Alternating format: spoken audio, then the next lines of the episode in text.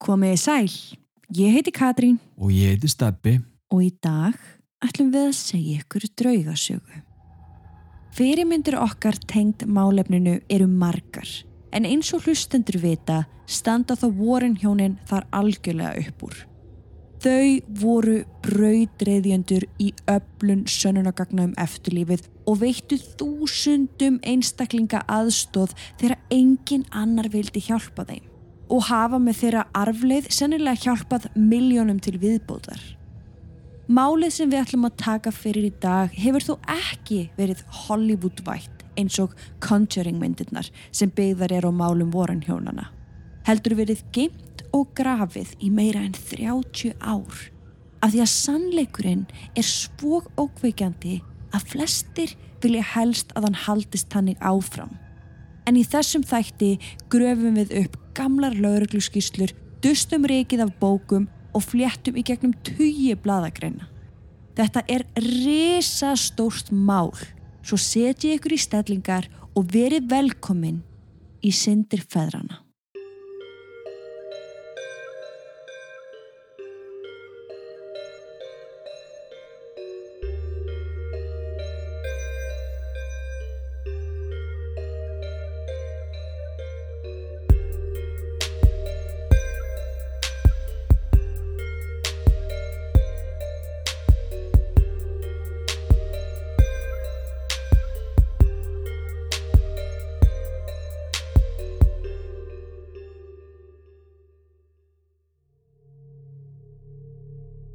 Við viljum minna á að draugasögurnar okkar eru ekki við hæfi barna yngri en 13 ára nema með leifi fullorna.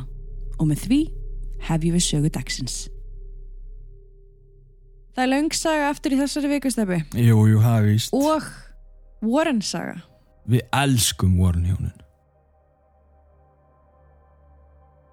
Þann 24. februar 1985 gengur Maurice Thoreau ásamt eiginkonu sinni Nancy inn á litlu lauruglustöðuna í heimabæ sínum.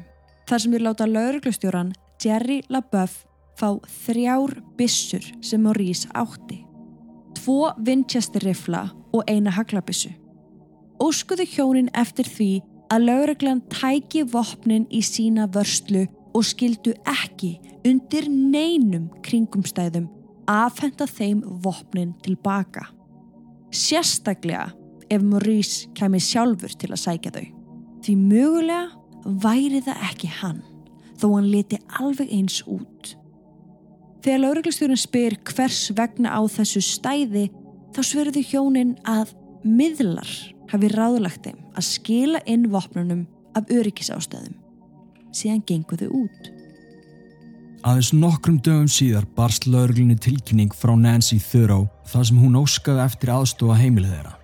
Það sem blasti við lauruglustjórunum Jerry LaBeouf og fulltrúanum hans þegar þeir mættu á staðinn sendi ískaldan hroll niður hryggin á þeim báðum. Á baðherbyggiskólfinu lá Maurice Thoreau meðveitundalaus í blóði sem lag bæði úr augunum hans og munnviki. Á bakinu var hann svo með risastórt sár, blóðugan kross sem hvorugir lauruglumennir kunnu nokkra skýringu á. En sem betur fer, rankaðan fljóðlega við sér.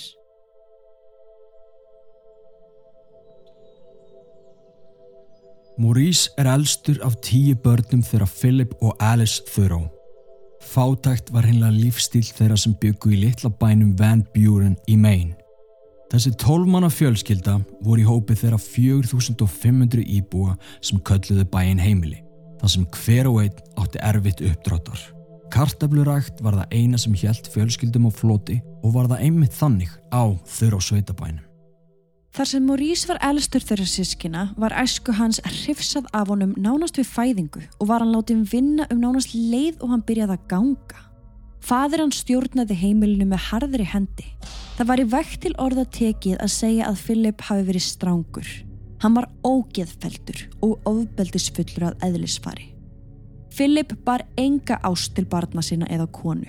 Kanski þekkt hann ekki hvað ást var yfir höfuð. Sónur hans var þræll og bar hann engungu til hans hatur. Maurice var látin vinna 12 til 16 klukkustundir á hverjum degi alla daga vikunar með föðu sínum.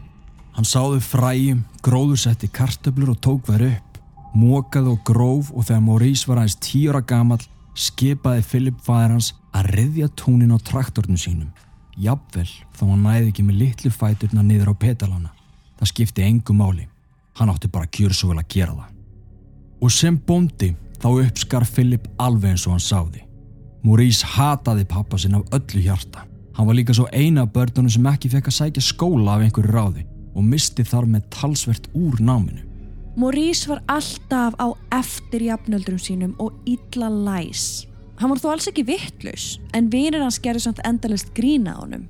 Því ekki leið og löngu þar til yngri sískinans tóku fram úr honum í námi. Svo mikið var hann á eftir. Mm -hmm. Eina verkefni hans í lífinu var að vinna. Vinna fyrir ósvífin föðu sinn og hatrið í unga drengnum var einungis meira og meira með árónum. Að lokum tók fadur hans Maurice úr skólanum fyrir fullt og allt. Já. Alice móður hans hafði ekkert með málið að segja því ef hún gerði það var hún sjálf beitt ofbeldi af manni sínum. En hún elskaði drengin sinn og hann elskaði móður sína og yngri sískinni afar heitt. Hann gæti ekki beðið eftir því að verða sjálfráða því þá ætlaði hann að koma sér í burstu frá þessu viti föður síns án þess að snúa um auksl og það gerðan þegar hann vaknaði á átjón ára ammalisteginum sínum þá pakkaði hann í bakpoka, gekk niður og knúsaði móður sína og hjælt niður að þjóðveginu. Philip, fadur hans, horði genusni áttina til hans. Bara viðbjóðsleg æska að öllu leiti. Alveg bara gjössamlega og það er alveg ágætt að taka núna fram að því að veist, við erum svolítið að stikla stóra, þetta er risastór saga. Mm -hmm. En hann kom ofta föðu sínum inn í hlöðu Mm. þar sem hann er að gera eitthvað sem hefur aldrei verið ofinbært. Ok, áhugavert. Og það eru ymsa kenningar. Það eru það annarkvort hafa hann komið að föðu sínum beita einhverjum að öðrum sískinum hans kynferðslega ofbeldi. Ok, Það sem oftast hefur verið heyrt það er að Philip hafi verið að misnúta dýr kynferðslega ok, og að lokum að hann hafi verið að framkvæma einhvers konar satanísk djöbla aðtapnir. Við vitum það ekki, það er aldrei komið á hreint og Maurice hefur aldrei sagt hvað það var en hann að lokum var látin taka þátt í þessu með föðu sínum. gæti mögulega verið að fadur hans hafi verið morðingi. Það gæti verið, Að hann hafi verið að drepa fólk og fara með það þanga. já. En við komum aldrei til með að vita Nei. í rauninni. Og ég meina þó að þetta sé kannski það eina sem er hvað mest talað um þarna eitthvað sem hann kemur að í hlöðunni Mhm. þá get ég alveg ímyndað mér í svona æsku í svona mörg ár Já. þú ert eflust að koma að hlutum trekk í trekk í trekk sem er að eiðilegja því varanlega þá er það eitthvað sem þú átt eftir að burðast með bara sem áfalla streitu í bara mögulega allt eitt líf Algjörlega. Maurice hjælt för sinni að bækistöð hersins rétt fyrir utan bæin þar sem hann óskaði eftir yngungu í herin. Vel var tekið á mótonum og gegst hann strax undir líkamlegt þrekpróf sem skilirði var fyrir yngungu. Það stóðst hann með framúskarandi burðum og var umsóknan samþygt strax án aðtjóðasenda. Frelsið var loks í sjónmáli. Gætt hafi störf í herbúðum aðeins nokkrum dögum síðar. Hann held aftur heim og gæti ekki beðið eftir því að tróða yngungu papirnum í andlitið á föðu sínum. Eftir aðeins nokkra daga er þann laus við hann fyrir fullt og allt. Philip hins vegar brást hlæjandi við þessum yfirlýsingum svona síns og sagði einfallega við hann að hann skildi nú aldrei sjá til með það og sast svo upp í Ford pallbílinn sinn og ógaf stað. Þegar hann kom svo aftur tilbaka, gekk hann að Maurice og færði honum pappirina þess efnis að umsóknans hafi ekki verið tekinn til greina og hann væri alls ekki á leiðinni herin. Ungi maðurinn brást ókvæða við og hjælt sjálfur aftur á bækistuð hersins bara til að tök hvað hefði gerst. Já. En það reyndist rétt.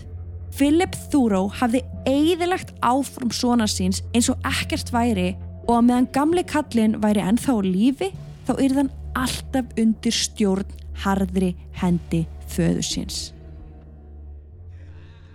Þegar Maurice nýri aftur heim skipaði hlæjandi faðir hans honum þarna að ná í skóplu og byrja að móka. Tónið myndi ekki móka sig sjálft. Ösku illur gerði Maurice eins og honum var sagt en hrópaði í æðiskasti.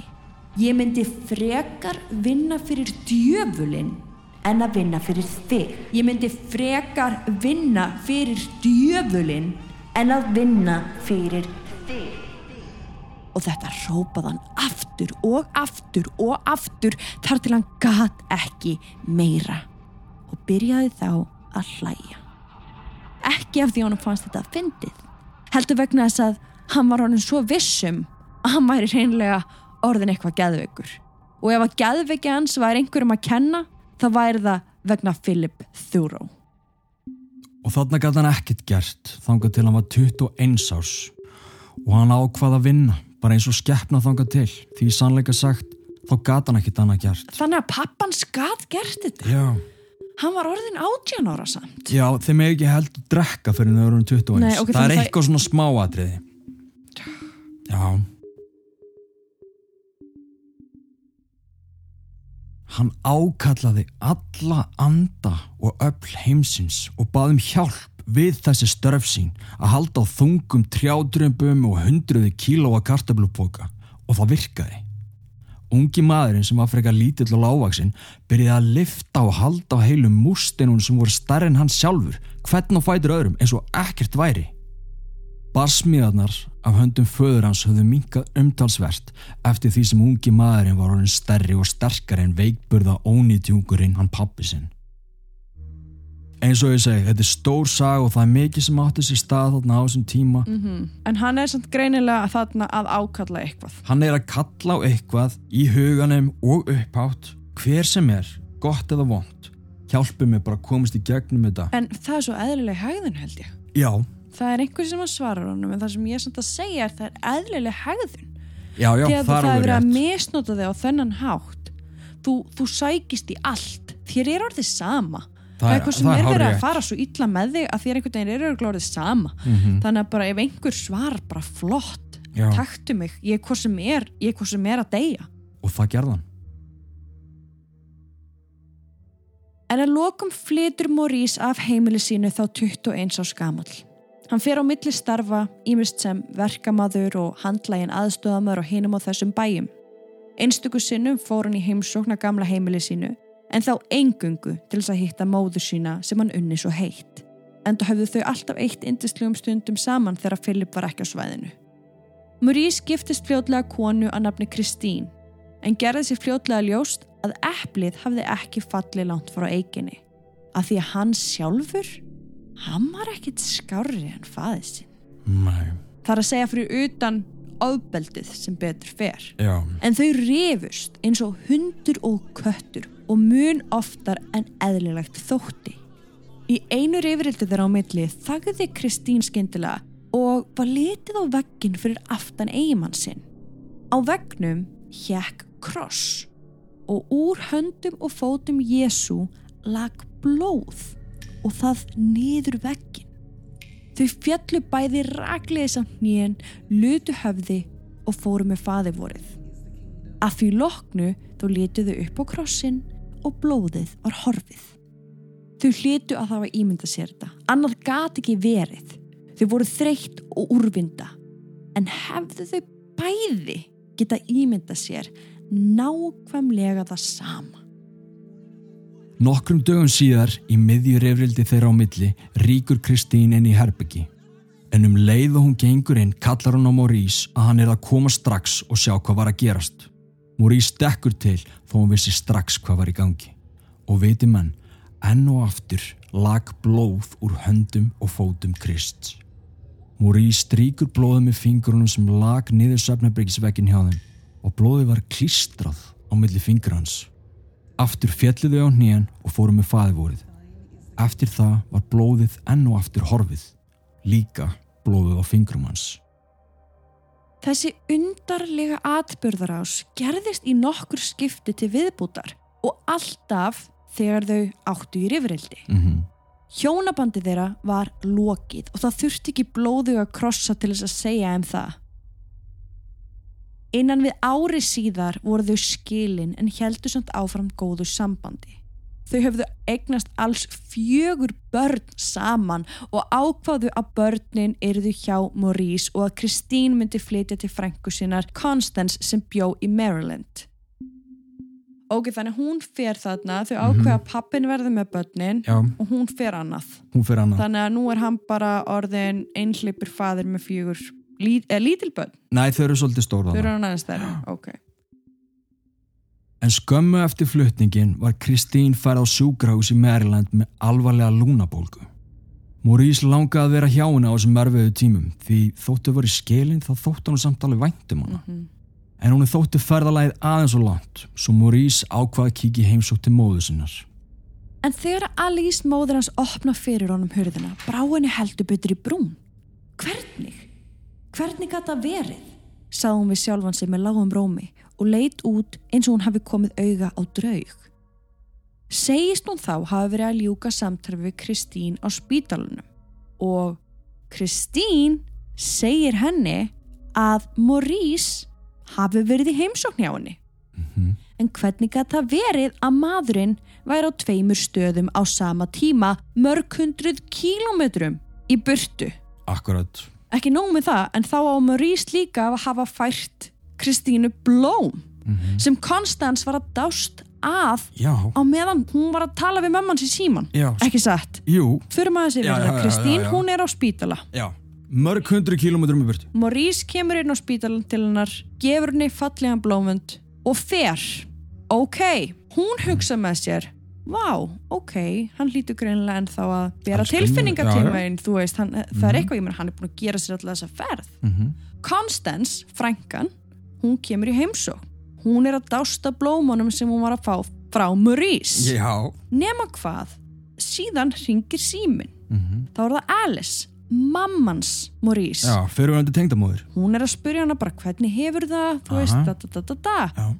hún segir, bara gaman að hún skildir hingja Maurice var akkurat hérna hjá mér og færið með blóm Mm við erum að tala um tveimur mínútum setna Já, ef það, þá, bankar hann já, þá, þá bankar hann og þá er hann mættur fyrir utan mömmu sinni. En hann er bara, nei, ég var ekkert á spítalanum. Ég færði henni engin blóm. nei, nei, nei. Ég ætlaði að fara, En en ég- ákvað bara að koma til þín og sjá tilfinningar. Og... En þetta var langt frá því að vera eina skipti sem á Maurice Thoreau var á tveimur stöðum á sama tíma. þetta er doppelganger Þetta er doppelganger. Við höfum ekki mikið rætt um doppelganger. Það hefur verið tekið fyrir af og til Já, en þetta bóðar aldrei neitt gott alls ekki og er yfirleitt tengt einhverju illu, einhverju vondu.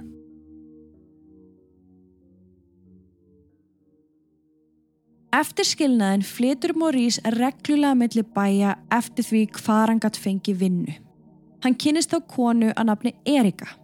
Þau giftast en svo virðist vera sem hjónaband þeirra hafi ekki verið neitt annað en komið til vegna henduleika. Mm Maurice átti fjögur börn sem þurfti móður og Erika átti börn sem þurfti framfarslu og stöðuleika. Þannig að win-win. Já, þau átti ekkert samægilegt og Nei. þau í rauninu bara svona liðu sitt hverju lífinu, En voru bara saman svolítið út upp á fjölskylduna. Gekk einhvern veginn upp þannig. einhvern veginn. Þegar hann og eiginkonans Erika voru að leggjast upp í rúm eitt júni kvöld árið 1982 varð Maurice eitthvað ólíkur sjálfum sér og það var mikill órói í honum. Hann sopnaði þó fljótt, hugsaði til móður sinnar og vonaði að heilsa hennar að væri góð. En þessa nótt dreymir hann undarlegan draum og svo raunverulegan að það var engu líkara en hann væri sjálfur á staðnum. En ekki sem hann sjálfur heldur sem Alice, móður hans.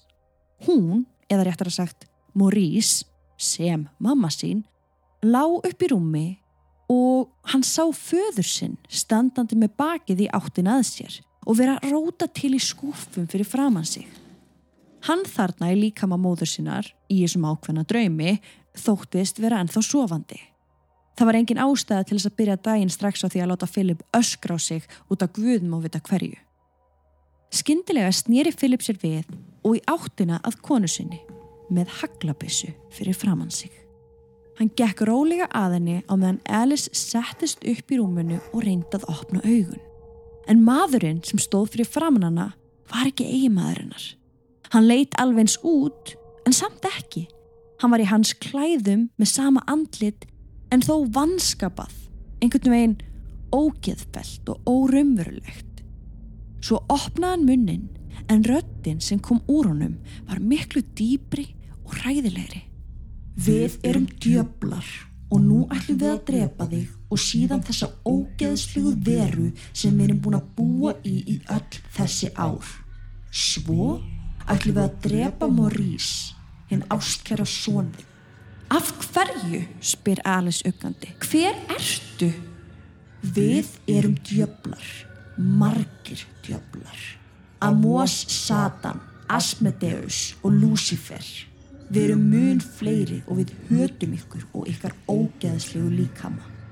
Síðan tekur Philip eða djöflarnir upp bissuna, hleður og miðar í áttina Alice og skýtur hana tveimur skotum. Allt var svart og um leið þó vaknaði Maurice úr martröðunni og á sama augnabliki var bankað á hurðina hjá honum. Hann hljóp niður og lauruglumæður stóð í dyrunum. Hann sagðist að það var reynd að ringja í hann allan morgun svo hann ákvað bara að koma.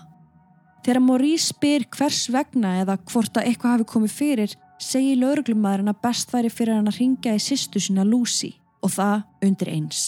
Og við það gekk lauruglumæðurinn burt.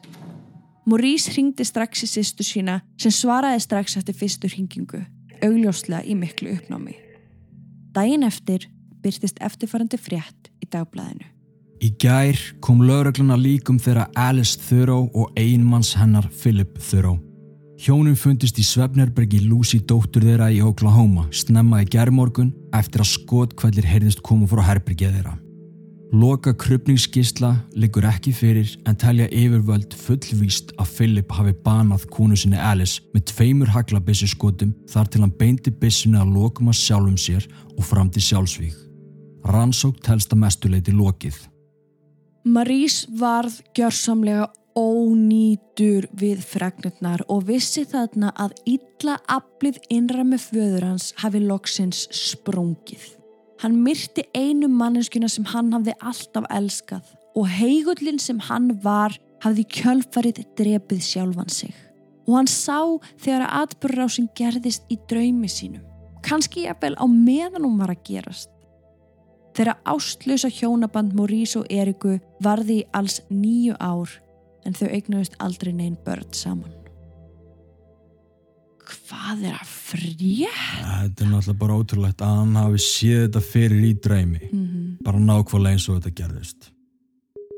En það er einmitt mjög algengt að á meðan djöflar er að tala í gegnum fólk Mm. að það verði alls konar rugglingur, það komi ógeðsleg orð og samtalið er aðeins lengra en það, það er alls konar það getur verið, þú veist, þú helvitis eitthvað rusl, Var það, þarna, Punktur. var það Eh, lengra í þessu, Já. þessari sögu? Ok. en það var bara svolítið ógeðslegt og það í rauninni skiptir ekki máli Með, að því oft talaðir bara svona í ringi Mhm. og um ekki neitt mm akkurat. En þannig er hann allavega búin að missa mömmu sína. Bara konuna sem hann elskaði meir en allt já, og það var fadir hann sem að drapa hann. mhm Maurice laði þá leið sína litlum bæ sem hétt Warren í Worcester síslu djúbu afskektu skeri fjari hljóðmengunarinnar í Boston sem var í um klukkutíma fjarlæð. Bærin var ekkit ósöpar þeim sem hann ólst upp í og meira þess að örlítið minni en það var íbúafjöldi þá aðeins um 3800 talsins. Þar fæst hann kaup á gömlum sveitabæ við Brimfield Road þar sem uppsker hafi verið lítil á árunum áður en hann var vissum að geti snúið sér í hag með reynslu sinna ræktun og hóf þar tómataframleiðslu.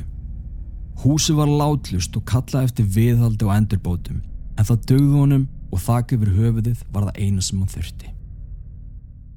En síðan kynist hann konu að nafni Nancy sem einnig átti uppkomin börn.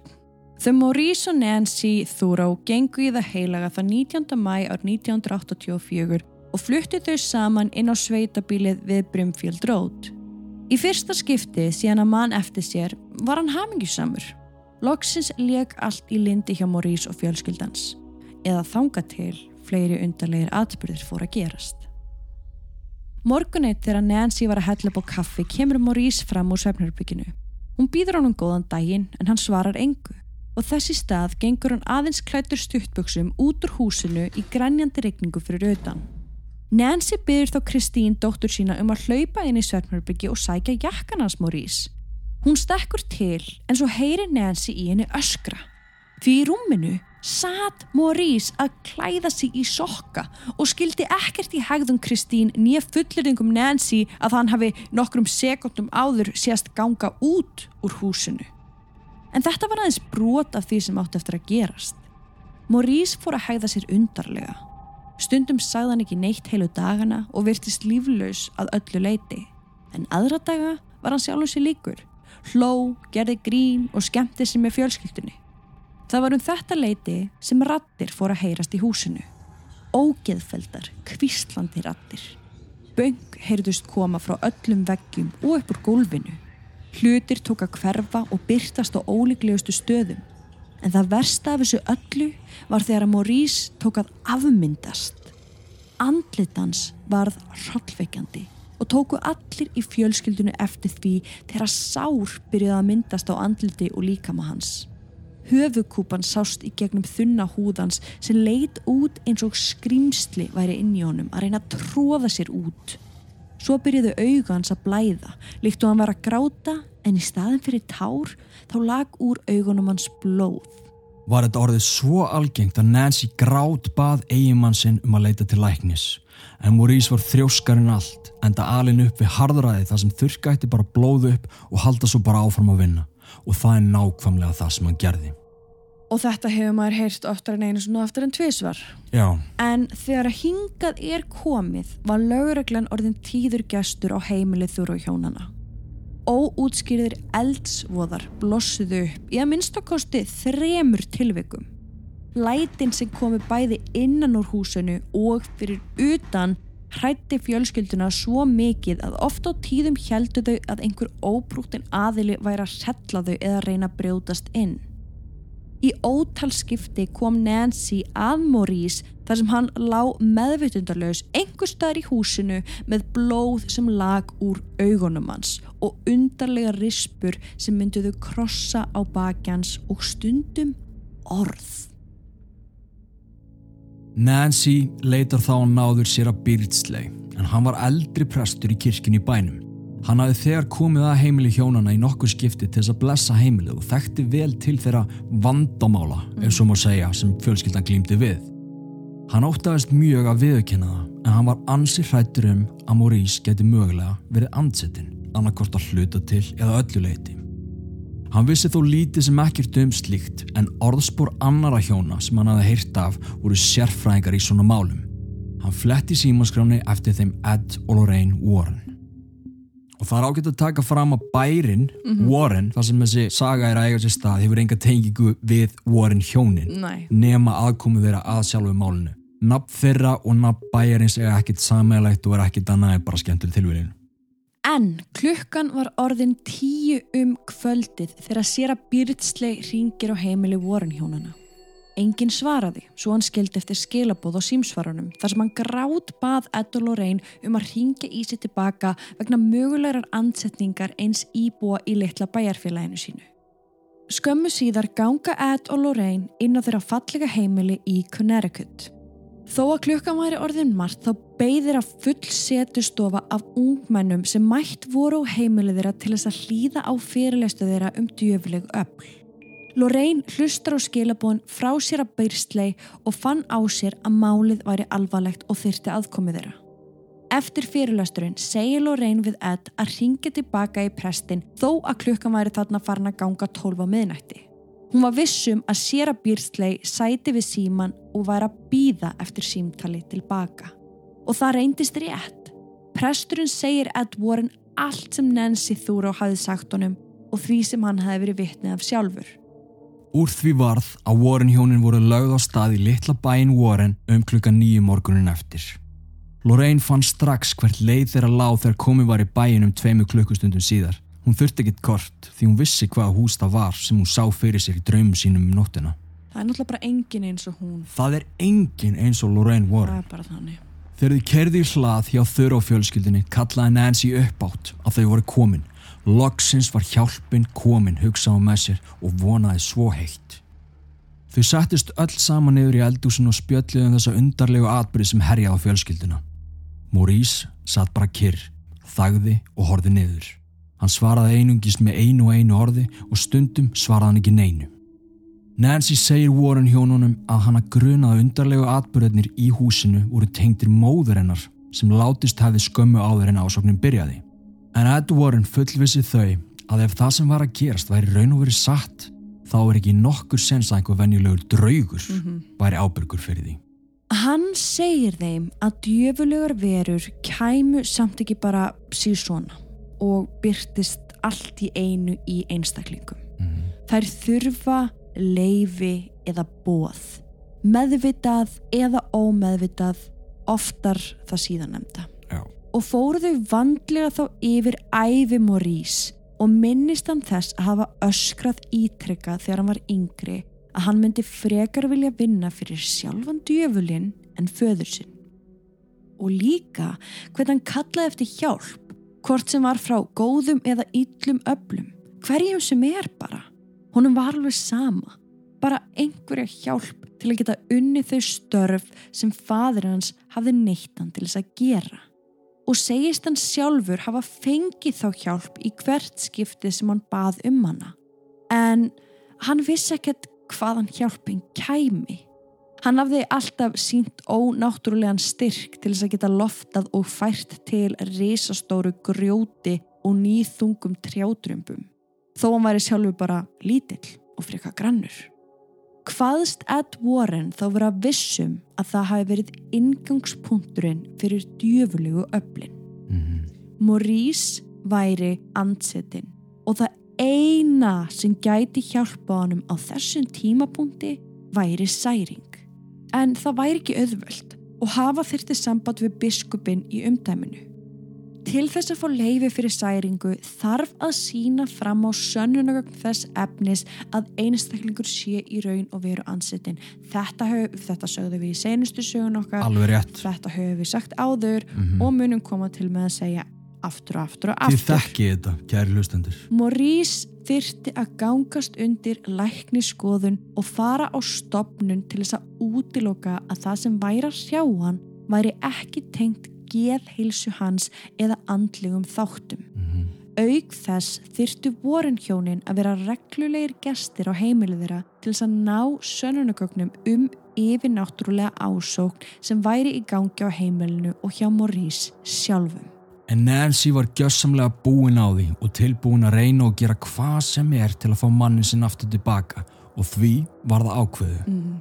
En Maurice þæði bara og skindilega byrjuðu auga hans að leka þykkum, rauðum vökva.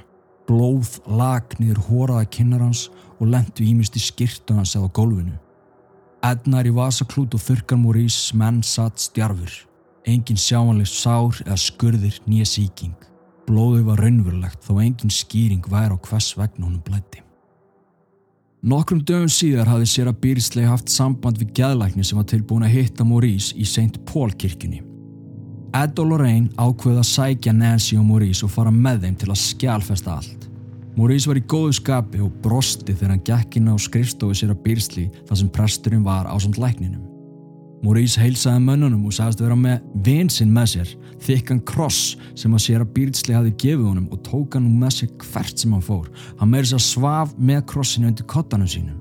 En um leið og hann tekur krossin upp þá flýgur hann úr höndum Morís og hafnar í glerskáp og munaði litlu að hann hafi hafnað í auga prestsins. Skindilega byrjar Morís að hágráta en sem fyrr engum tárum heldur blóði. Læknirinn sem var viðstattur þetta allt saman segist ekki trúa á drauga eða neitt slíkt og vildi ekki koma nálagt þessu máli. Hann var hættur við. Ed Warren eipar þá á hann og segir að þau öll ásand Maurice væru á leiðinni út. Hvernig gætu læknirinn verið vittni af yfirnáttúrulegri reynslu en vildi ekki horfast í augu við það? Þegar þau fara út í bíl myndast ógeðfæll lykt súr hlandlikt sem fylgti bílinn. Á sama tíma verður Maurice órólegur og byrjar að klæða sig úr bolnum sínum. Á bakinu ánum eru blæðandi sár. Tveir krossar höfðu á einhvern óútskýranlegan hátt myndast undir bolnum hans. Í kjölfari var hann lagður inn á gæðisjúkrahús rétt fyrir utan bæin. Starfsfólki á spítalanum höfðu ítrekka verið vitna því þegar hlutir tók að kastast til og frá í kringum og rís og í eitt skiptið komu hjúgrunafræðingar á honum þar sem hann hjælt á resastórum hjartamónitor eins og ekkert væri. Sérstakann liftara þurfti til að færa tæki úr stað því það vó yfir 300 kíló en þarna stóð Maurice og hjælt á því á þess að svitna. Aðspurður hvaðst hann ekkert muna hvers vegna hann tók upp tækið eða hvað hann gekk til. Hann man ekkert eftir atvikinu eftir á. Læknar urðu líka marg oft varfið við það að Maurice fór að tala latínu, alveg búið þurru og fór með langar orðarunur líkt og hann væri að lesa heilu bækurnar.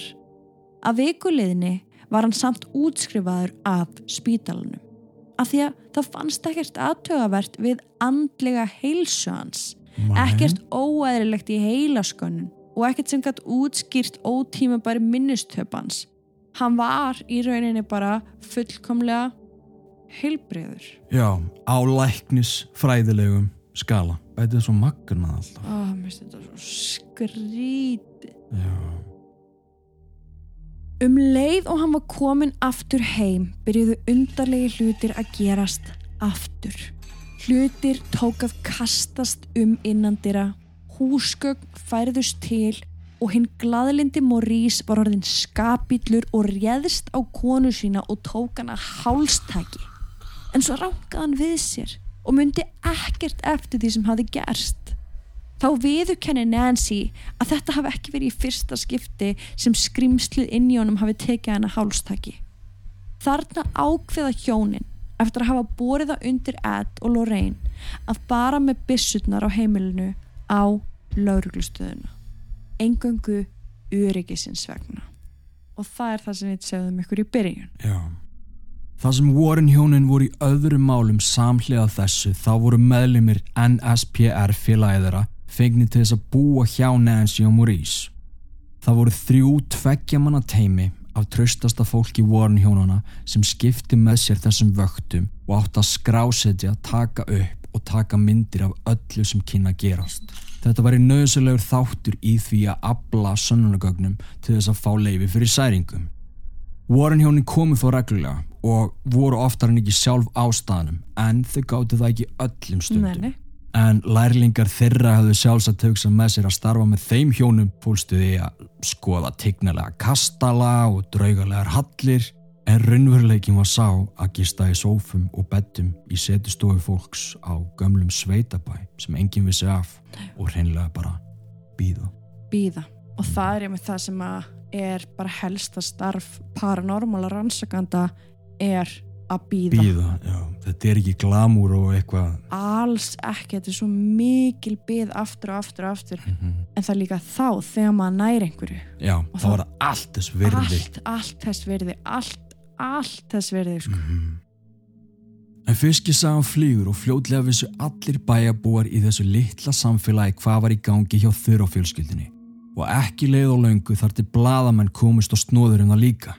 Í dagblöðum byrtist fréttir í marga daga í rauða með fyrirsögnum eins og Kirkjan íhuga særingu í Warren, Bóndi glýmir við djöfulinn, Andsetin maður grátbyður um særingu og svo framvegis eftir gödunum. Litli bærin tók að fyllast af bladamönnum og forveitnum aðlum sem Olmir vildi ná tali af andsetna bóndanum þó hann hafi aldrei verið nafngreindur í blöðunum en einungi sturt að spyrja einhvern heimamann og þá vissi allir hver hann var. Á sama tíma er Ed Warren á fullu að reyna að finna einhvern sem gætt framkvæmt særinguna. Í fyrstu hafði hann sér að byrtslega í huga, en hann sagðist ekki vera rétti maðurinn í verkið. Forveri hans í kirkjunni hafi eitt sena hans sögn glimt við djöfulinn í sex klukkustundir samfleitt og hvaðst aldrei vilja gera það aftur. Sá prestur let svo lífið fjórum vikum setna, aðeins 55 árað aldrei. Sér að Byrstli var hrættur og hann var ekki tilbúin í þetta stríð. Og Ed, hann skildi það vel. Já. Góðvinnur Warren hjónana hafði fengið að fylgjast með frammundum mála hjá Maurice og fjölskyldu og hann bauðist til þess að taka verkefni að sér. Já.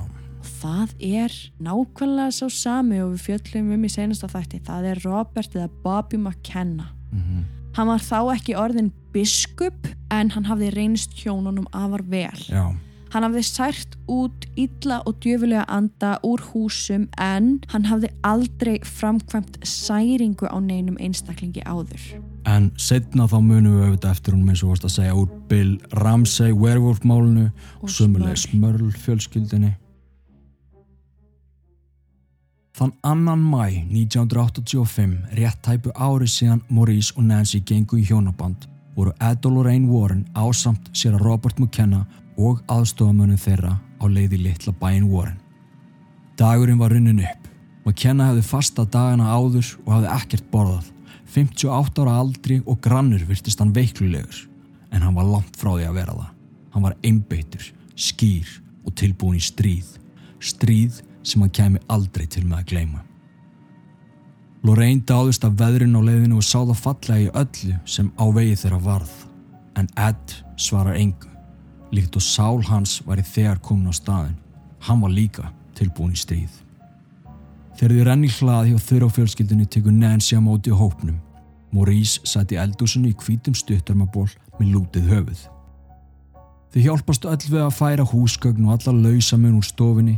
Allt sem geti kastast til var fjarlægt þar til að lokum væri nánast ekkert eftir í stofinni nema stóll fyrir Maurice og lítið borð fyrir þá hluti sem að sér að Robert má kenna þurfti í særingunni.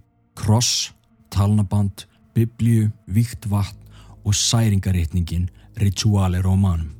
Maurice fikk sér sæti í stólnum fyrir framann prestin án þess að segja orð. Sitt hverju megin við hann voru aðstofamenn Warren hjónana.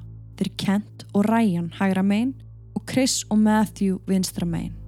Tilbúnir í hvaða átök sem er. Því anseti fólk er þekkt fyrir það að hafa styrk á við tíu fullorna karlmenn. Nancy stóð fyrir aftan Maurice og þau Ed og Lorraine sitt hverju megin við sér að maður kenna. Allir stóðu kjurrir og enginn þorð að segja orð þar til presturinn byrjaði að fara með bænir. Nánast um leið byrjaði blóð að leka úr augum Maurice. Særingin var hafinn. Lorraine kom fljótlega auga á það sem aðrir í herberginni sáu ekki. Aðeins þeir sem gætir voru hæfileikum hennar gætu skiliða. Tvær risastórar skuggaverur stóðu fyrir framann prestin en fljótlega voru þær tíu.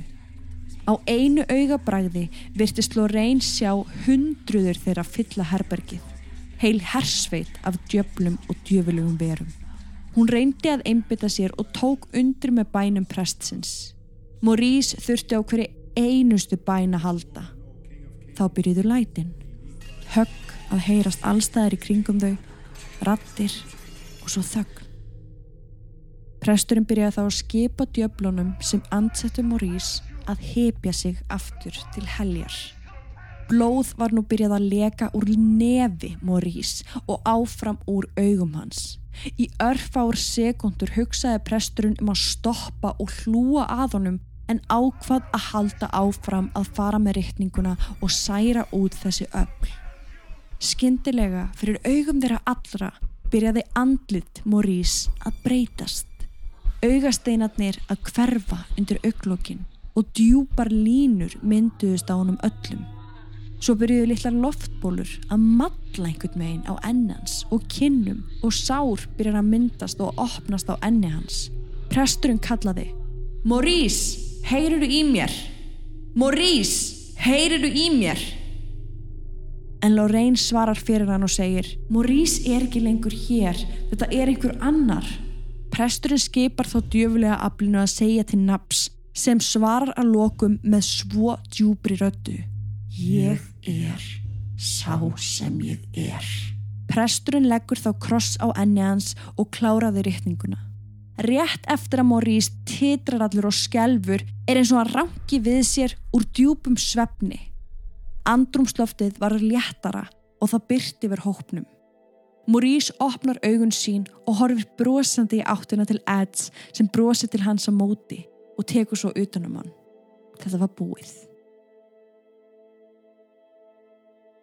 Og það máli taka það fram að þetta er fyrsta særingin sem var tekin upp á myndbands upptökudagi og það er sláand að horfa klippurnar úr þessu augnabliki. Maður sé sko í alvöru húðin hans byrja að böbla á meðan á þessu stendur og blóðu hans skurð bara svona opnast á enna hans. Við látum fylgja með link Mhm. uh, af vídjói sem þið getið horta og þar getið þið séð þetta sjálf en þetta er óhugulegt Já, og það sést greinilega hvernig sár byrja að myndast á andliti hans án þess að nokkur sé að koma við það. Mm þetta er óhugulegt þetta er líka svo magna að sjá bara sjónrænt efni. þetta er ógíslegt það er, og, það er nánast eins og hann veikist af einhverjum viðbjóðslegum Já, sjúkdómi. einhverjum húsugdómi Já, bara allt í einu. Og svo allt í einu bara verður hann venjulegur. Já. Þetta bara, hver er skýringin á þessu? Annað en bara eitthvað Hún Þegar Ed og Lorraine höfðu aftur samband við fjölskylduna tveimur árum setna þá leik allt í lindi hjá þeim hjónum og Maurice var orðin svo hamingjusumur og fjölskyldan öll. Hann var aftur orðin hinn kærleiksríki fadir og uppáttæki sami afi barna sinna. En, eins og við hefum margóft sagt, þá er djöfullin þólimóðustur allra og ekki bara konungur helvitis, heldur líka konungur blekkinga og svika. Þann 3. november 1992 fengu aðstatnendur þúra fjölskyldunar nefnilega hræðilega fregnir. Lögreglan hafði enn og aftur verið kölluð til heimilis þeirra. En í þetta skiptið vegna þess að skot kvellir heyrðust koma frá húsinu. Maurice Thoreau hafði skotið konu sína Nancy með haglabissu. Skotin höfnuðu í vinstri hönd hennar og síðu. Hún náði að hlaupa út og kalla eftir hjálp. Maurice hljóp á eftir henni og dró hana aftur inn í húsið þar sem hann færði hann í stól og settist á annan beint á mótinni. Maurice beinti því næst byssuna að sjálfum sér, starði augun á konu sinni og tók í gikkin. Hann lést samstundis. Nancy var færð á sjúkrahús eftir að hafa skriðið í blóði sinu til nágrunna sinna. Hún komst lífs af. Eftir á segir hún að eigimaður sinn hafi verið í áflugum við sjálfan sig um hvert beina ætti byssunni. Það voru tveir aðilar inn í honum og svo djöfulegi hafði betur. Maurice hafði erft djöfla föður síns og sömu örlugum og Philip og móður hans mættu.